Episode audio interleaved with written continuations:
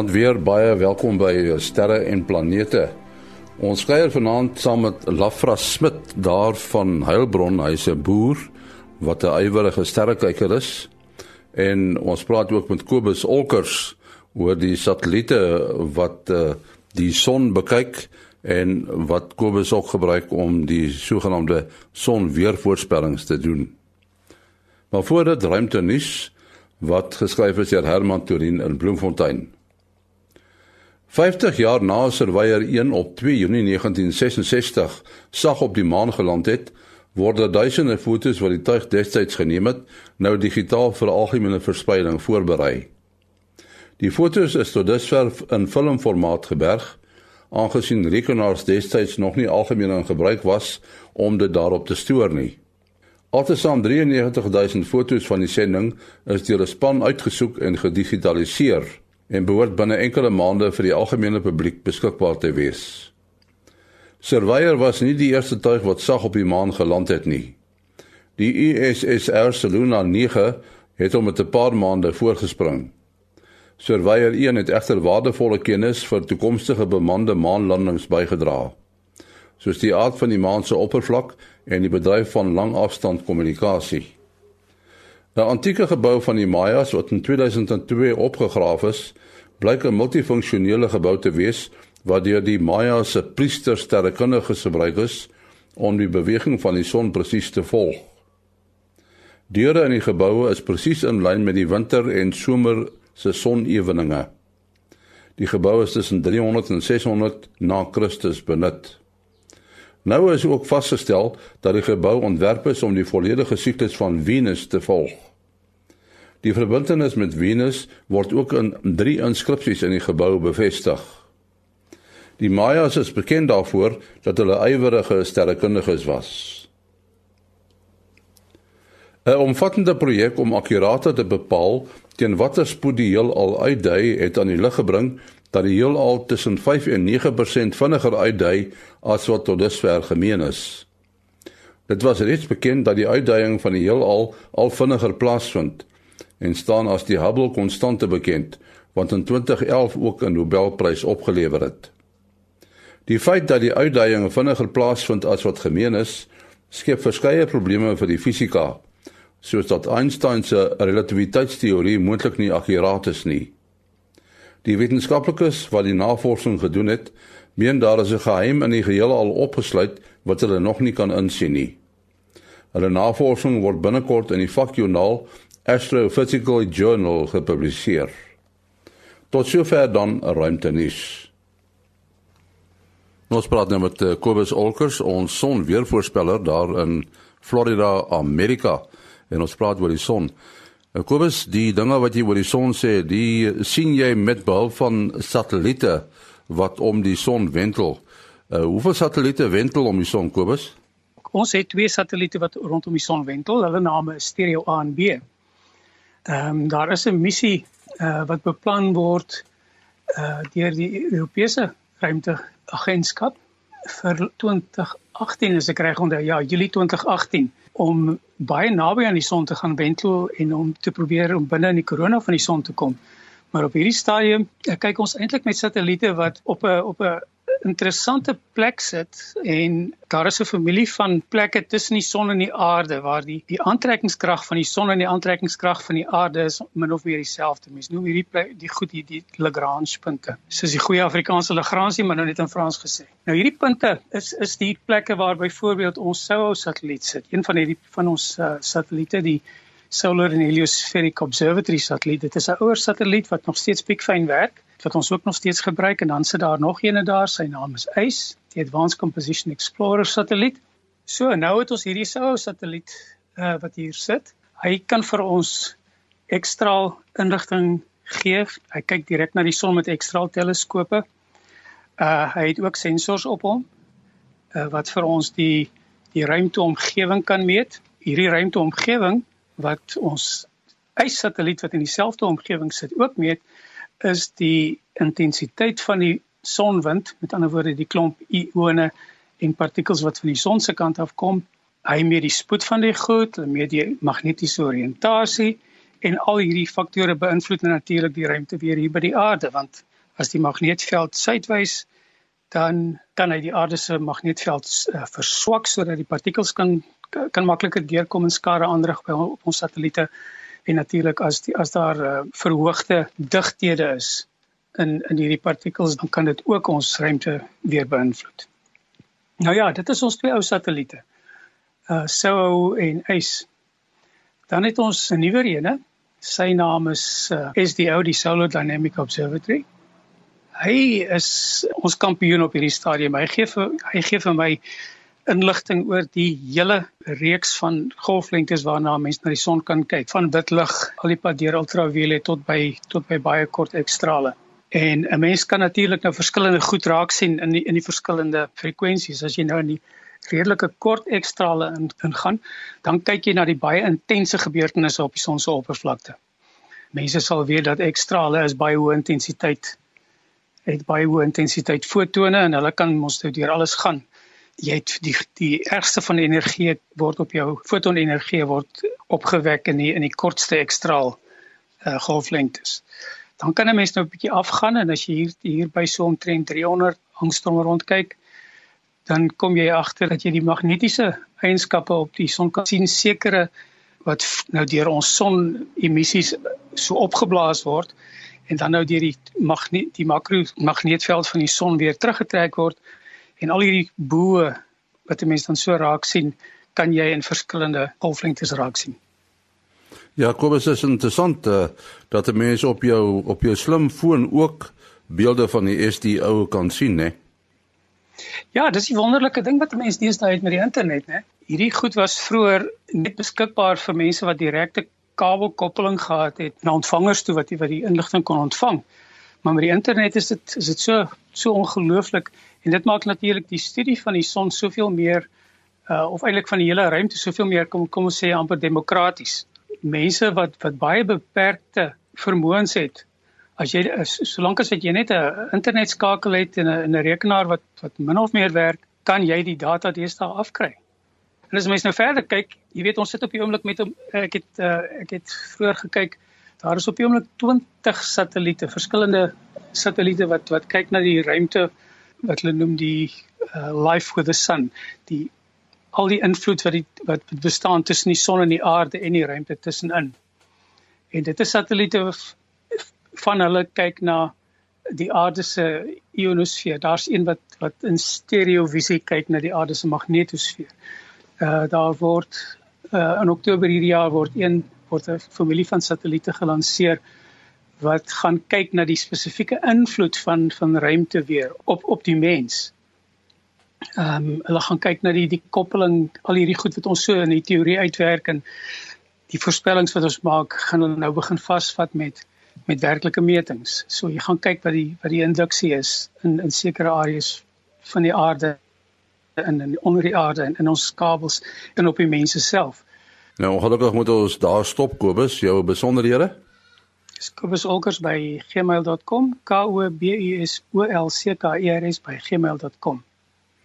Baie dankie Kobus Olkers. Hy uh, is die man op sy pos daar in Florida, Amerika en hy kyk na die ja, kom ons sê die manewales van die son. Nou die van u wat uh, gereeld kyk na RSG se sterre en planete Facebook groep sal weet dat Lafras Smit daar van Heilbron is nogal 'n gereelde deelnemer veral van van weer die fotos uh, wat wat hy plaas wat hy neem. Lafras uh, ons uh, gaan nou vanaand met jou gesels oor jou belangstelling aan sterrekunde. Uh, wanneer het jy begin belangstel in sterrekunde? Ja, jong, van kleins af het ek eintlik maar altyd uh, na die sterre gekyk en so aan maar niks regtig geweet, jy weet. As hulle nou op die nuus gesê het kyk uit vir die vir die ruimtestasie dan was ek uit en maar dit is ook maar al waar dit gebly het. Ek is eintlik net so 'n jaar en 'n half nou regtig ernstig besig met die stokperdjie. En uh, ja, nee, is lekker, baie lekker. Ek het eers begin met 'n klein teleskoop, uh, wat hulle die mense raai jou mos nou maar aan om te sê uh, jy begin maar eers met iets klein en as as in belangstelling nog daar is dan gaan jy groter. Ag, hy's nou nie, is nou nie groot nie, hy het maar so 130 mm spieël ingehaat wat ek nou gebruik het om na die maan en na die planete en so aan te kyk. van daar af het dit nou het die belangstelling nou um, vreeslik bevorder en ek dink nou later later van tyd toe nou vir my 'n groter teleskoop aangeskaf. Ja, jy jy het nou 'n voordeel want jy is 'n boer en jy het waarskynlik meeste van die tyd 'n uh, eh, mooi donker lig, né? Nee? Ek is redelik baie geseënd met met 'n uh, baie donker lig, ja, ja. Toe ek nou die groot teleskoop nou gekry het, toe was dit nou wonderlik, ek kon ek nou na die maan en die planete was nou groter en swaan gewees, maar uh, toe begin die volgende belangstelling nou en dit is om nou na nevels te kyk en stertrosse. En uh, daarvoor het jy mos nou 'n 'n 'n volgapparaat nodig want as jy nou net met die gewone teleskoop op sy Dobsonian montering gebruik dan kan jy omtrent net 'n sekonde foto neem voordat die sterre begin beweeg. So toe het ek nou maar weer geldjies bymekaar geskraap. Hierdie stokperdjie van ons is maar nou nie 'n goedkoop een nie. Toe ek dan nou vir my uh, later van tyd kon ek nou my 'n uh, uh, redelike uh, soos wat hulle sê equatorial mount montering koop wat ek toe nou kon op my, my teleskoop opsit om nou te volg en die, die sterre te volg. Toe kon ek nou lekker die die nevels en die stertrosse en die goed afneem wat daar buite is. Hoe groot is die teleskoop wat jy nou het, die nuwe een? Uh, dis 'n 10 duim, 254 mm paraboliese spieël het jy gesê ekwatoriale stander. Ja, ja, is 'n EQ6. EQ6, ek moes nou 'n groter ag een koop om hom nou te kan dra. Toe ek nou begin het ook met die met die ehm um, sterre kykery, het ek ook nie 'n goeie kamera gehad nie. Het ek nou maar 'n net 'n gemiddelde DSL kamera gekoop wat ek nou gebruik om die fotos mee te neem, maar uh, soos die mense ook nou al baie gesê het, ek kom nou baie weg met my donker lig, jy weet so dit help daaraan. En gebruik jy sagteware om die fotos uh mee te werk na die tyd? Ag as die foto nou van my baie mooi uitgekom het, sê ag, deesdae uh as ek nou die Carina nevel afneem dan ag dan kom hy vir my so mooi uit. Ek doen eintlik niks meer aan hom. Ek sal net so bietjie hier en daar om donkerder maak of so aan, maar ander ander voorwerpe soos nou die dag het ek die die sombrero sterrestelsel afgeneem en hy was nou nogal 'n bietjie 'n moeilike kaland. Dan neem jy nou maar 'n klomp fotos, baie fotos en dan stapel jy dit nou maar met hierdie program wat jy verniet op die internet kan aflaai, Deep Sky Stacker. Die fotos op mekaar kan stapel dat dit dat die detail meer kan uitkom. En en die kleure gebruik jy filters? Nee nee, ek gebruik geen filters nie. Ek gebruik geen filters nie. Ek sit nou maar net in die program na die tyd dan dat ek die program maar die, die kleur net bietjie meer inkom. En neem jy deur die teleskoop of gebruik jy die teleskoop maar as iets waarop jou kamera ry? Dit is nou die klein teleskoop uh, gebruik ek nou nie meer so baie nie. So ek het hom nou aangepas. Ek sit nou my kamera op hom en dan dan gebruik dan neem ek nou met my kamera uh, die die sterrehemele af terwyl hy op die teleskoop rondry. Verstaan maar by die grootte gebruik ek hom um, soos 'n soos 'n lens, soos wat mense die lens gebruik van van jou gewone kamera gebruik ek hom koppel ek hom aan die teleskoop en dan is is hy nou is die teleskoop die lens waarna ek kan die nevels en die stertrosse afneem. En hoe werk jy uit watter beligting jy moet gebruik? En ja nee, dit is soms 'n moeilike storie want die die ek dink die beste raad is maar jy moet maar neem en as jy sien hy is te lig dan neem jy nou maar dan stel jy jou ISO laer jou beligting korter dat jy dat jy tot tot wanneer dit nou vir jou lyk nie en nou is dit reg. En watter uh, sluiterspoed gebruik jy? Op my kamera het ek van hierdie gewone uh, kabels wat jy wat jy indruk dan is dit jou sluiterkabel sodat jy nou glad nie aan die kamera self um, stamp as jy nou jou jou sluiter indruk nie. So dan stel ek hom nou gewoonlik so op op afhangende nou na waartoe hy kyk want my noordelike kant is nou baie meer ligbesoedeling so daar gaan ek so gaan maar vir 1600 daar rond en dan 30 sekondes beligting. Maar as ek meer hier afgaan na Carina's die Carina nevel of die Tarantula nevel dan looi ek hom nou maar kan ek kom hier so 6400 die ISO en dan op 30 sekondes so. Elkeen leer nou maar sy sy lig, hoe sy buitelug, hoe waar is die ligbesoedeling en so aan. So dan dan werk jy nou maar so tussen dit alsdeur. Uh, is daar nou iets wat jy nog wil afneem wat vir jou eintlik 'n groot uitdaging is? Jo ja, en ek is ek wil nog graag baie van die ehm um, sterrestelsels afneem hier in die in die waterdraer konstellasie.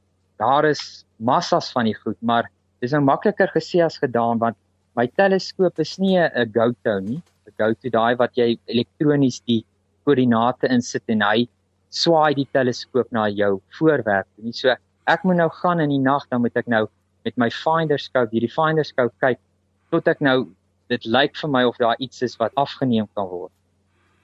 En uh, dan dan dit is nou maar hoe ek dit neem dan dit partykeer vat dit nou ure want dan neem ek iets af en dan as ek as ek as dit nie die beeld nou op die kamera kom dan sien ek nee ek het net klomp sterre afgeneem ek het nie die die sterrestelsel afgeneem wat nou konsis daar moes gewees weet maar uh, dit is dit is nog 'n uitdaging. Ek en ek gaan dit nog reg kry nou ja dit was dan uh, Lafra Smit daarvan Heilbron hy's 'n boer en soos jy gehoor het hy het nogal baie donker lig om af te neem.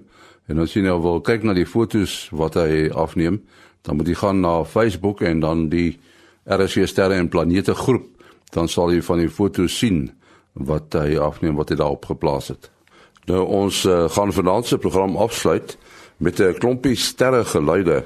Nou as jy fyn luister sal jy agterkom dat ek van hierdie sterre geluide gebruik het om die uh, kenwysie saam te stel van van sterre en planete.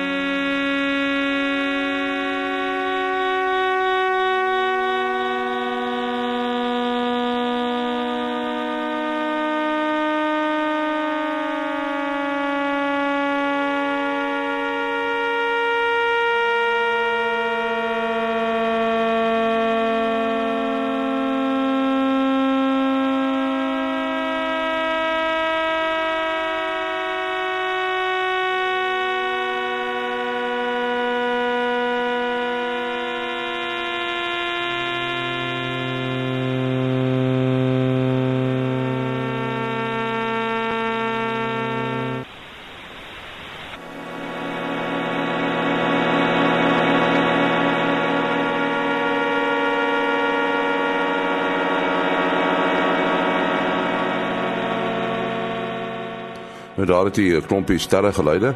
My e-posadres maas.henny@gmail.com. maas.henny@gmail.com.